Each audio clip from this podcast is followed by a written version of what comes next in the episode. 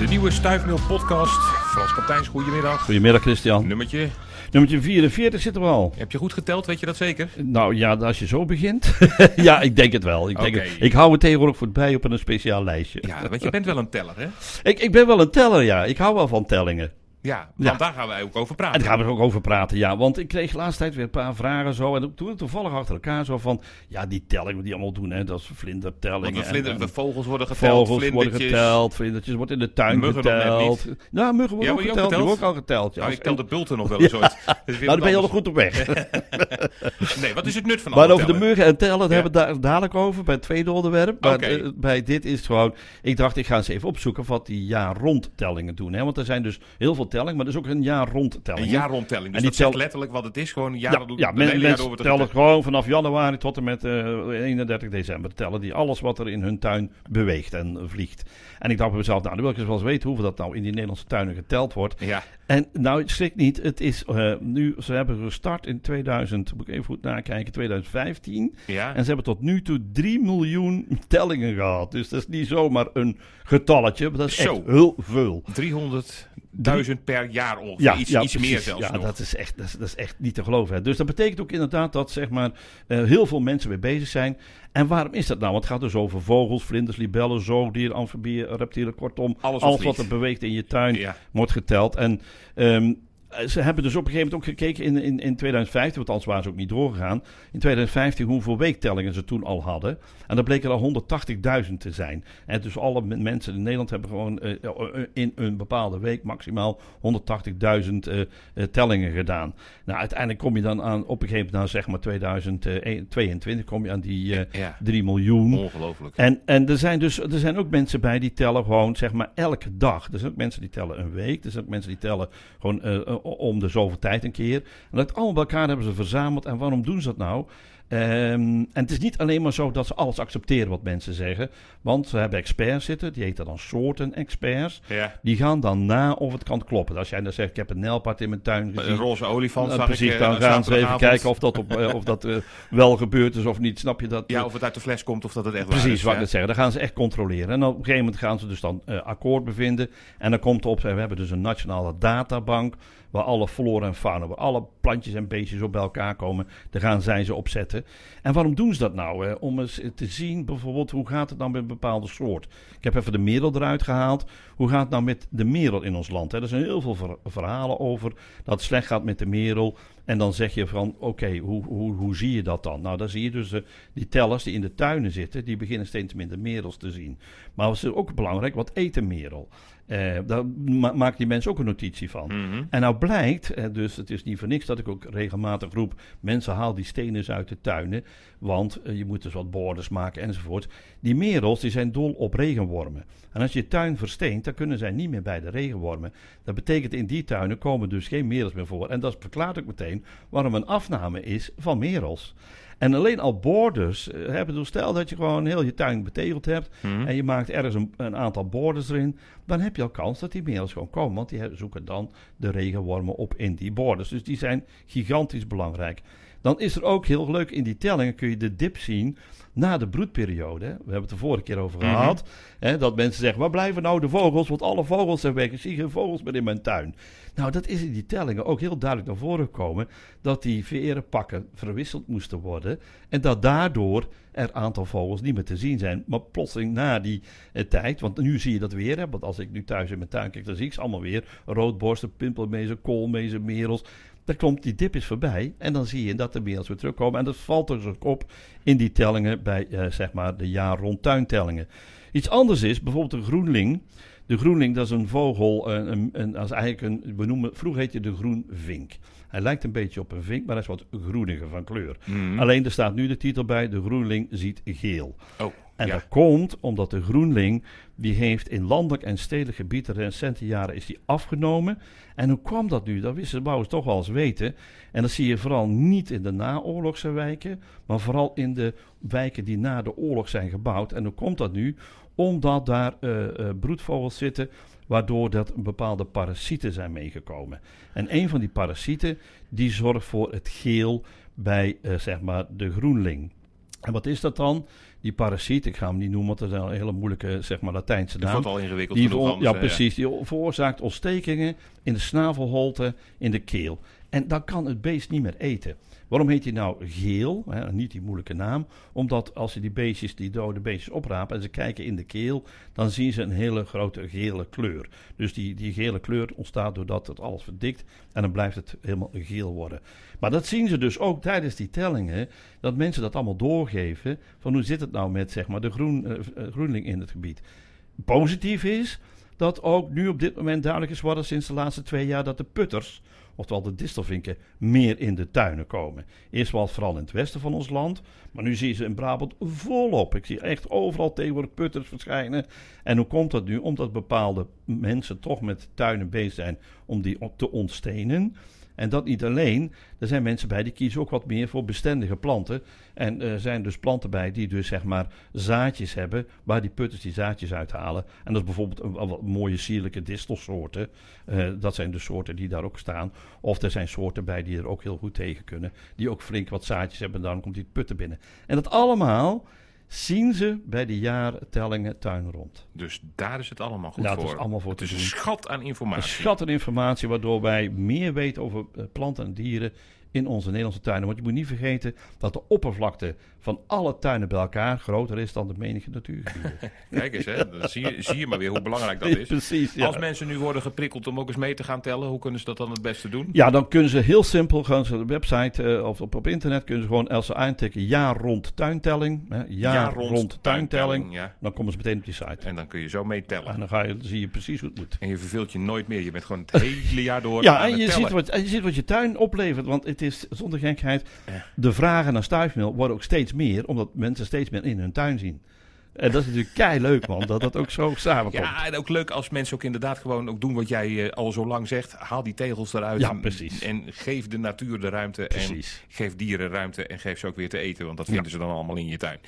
Uh, de vleermuisjes, die kun je ook tellen natuurlijk. Hè? Worden die ook geteld? Die worden ook geteld, ja, ja, ja, ja die worden geteld. Maar er zijn toch wel meer specialisten. Maar dan moet je toch wel, uh, ja goed. De, je, kijk, het mooiste is als je een beddetector hebt. Hè. Dat is een, een, een, en dan een, een soort... bed, PAT, want dat is het Engelse woord ervoor. Hè? Niet, voor vleermuis, ja, precies. Niet, niet, het bed waar we in die liggen. Vangt, maar, die vangt die sonorgeluid op en die vertaalt die voor ons. Want wij kunnen met onze oren die geluiden niet horen. Hè.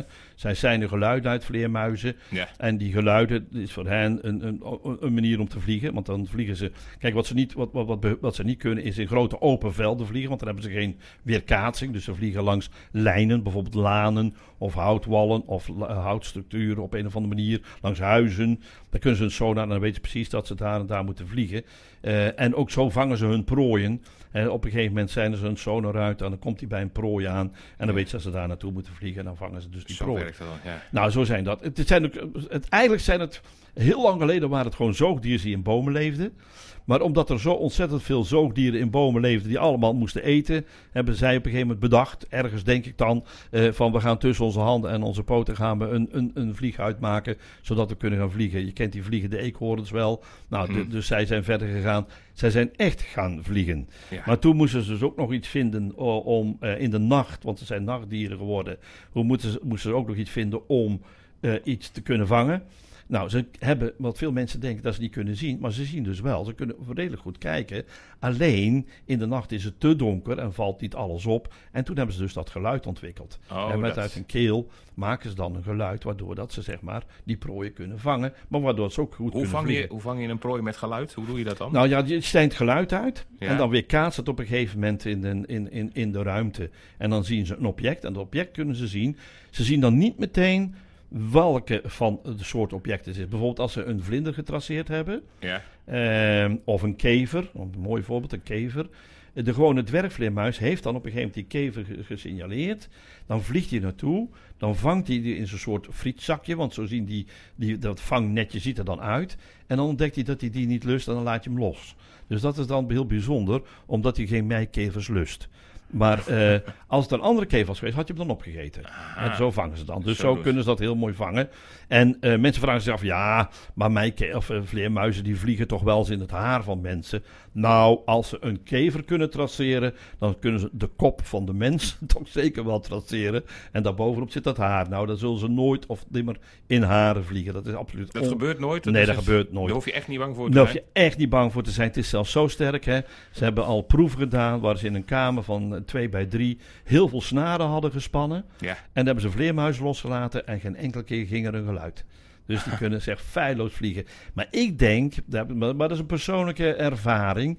Ik denk dat uh, wat mensen gevoeld hebben toen zij een vleermuis zagen, dat dat een meikever was die gevangen was door een gewone dwergvleermuis. Want wat is er aan de hand?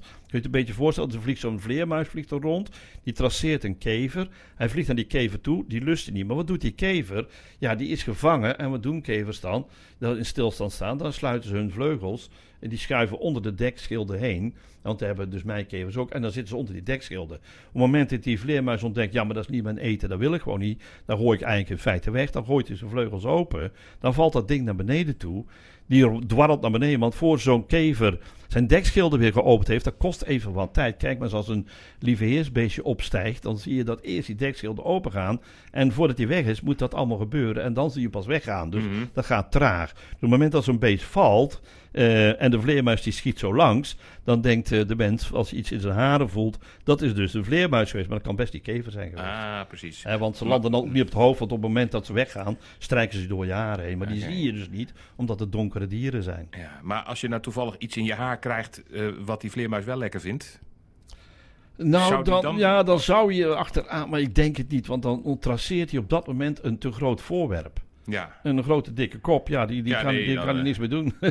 dat, is, dat is echt te veel voor Dus, als- zo'n vleermuis. dus die, de angst voor vleermuizen, dat komt vooral omdat we veel te veel vampierenfilms kijken. zo, Precies, en, en ik kan me ook daar voorstellen, Christian, dat het zijn ook schichtige vlugge dieren die altijd in de nacht vliegen. Donker, hè, dat is echt, maar als je eenmaal, ik heb van de week hadden wij weer een vleermuis-excursie waar ik bij was op de Loonse Drunse Duinen. Mensen meegenomen, ook kinderen meegenomen. En die kijken hun ogen uit als ze zo'n beetje rond u vliegen, want het is natuurlijk kei leuk. En als je dan zo'n beddetector, zo'n vleermuisdetector aan hebt staan en dan hoor je dat nou ja, dan zijn die Dat is kinderen eh, mooi. ja, dan zie je ze gewoon glunderen die oogjes. En het is ook enerverend dat het gewoon zo'n zoogdier is die zichzelf heeft leren vliegen. Ja, Dat- precies. Maar, maar niet, niet in één generatie, er zijn Nee, er wat dat meer heeft- overheen gegaan. Ja, natuurlijk. duizenden jaren, duizenden jaren, ja. Dus als wij zelf willen gaan vliegen, moeten we nu maar eens beginnen, denk Ja, ik. precies. Dan moeten we, onze, dan moeten we onze, tussen onze vingers wat ru- ruimte gaan creëren. Oh, en dan, ja. dan gaan trekken aan onze huid. Ja.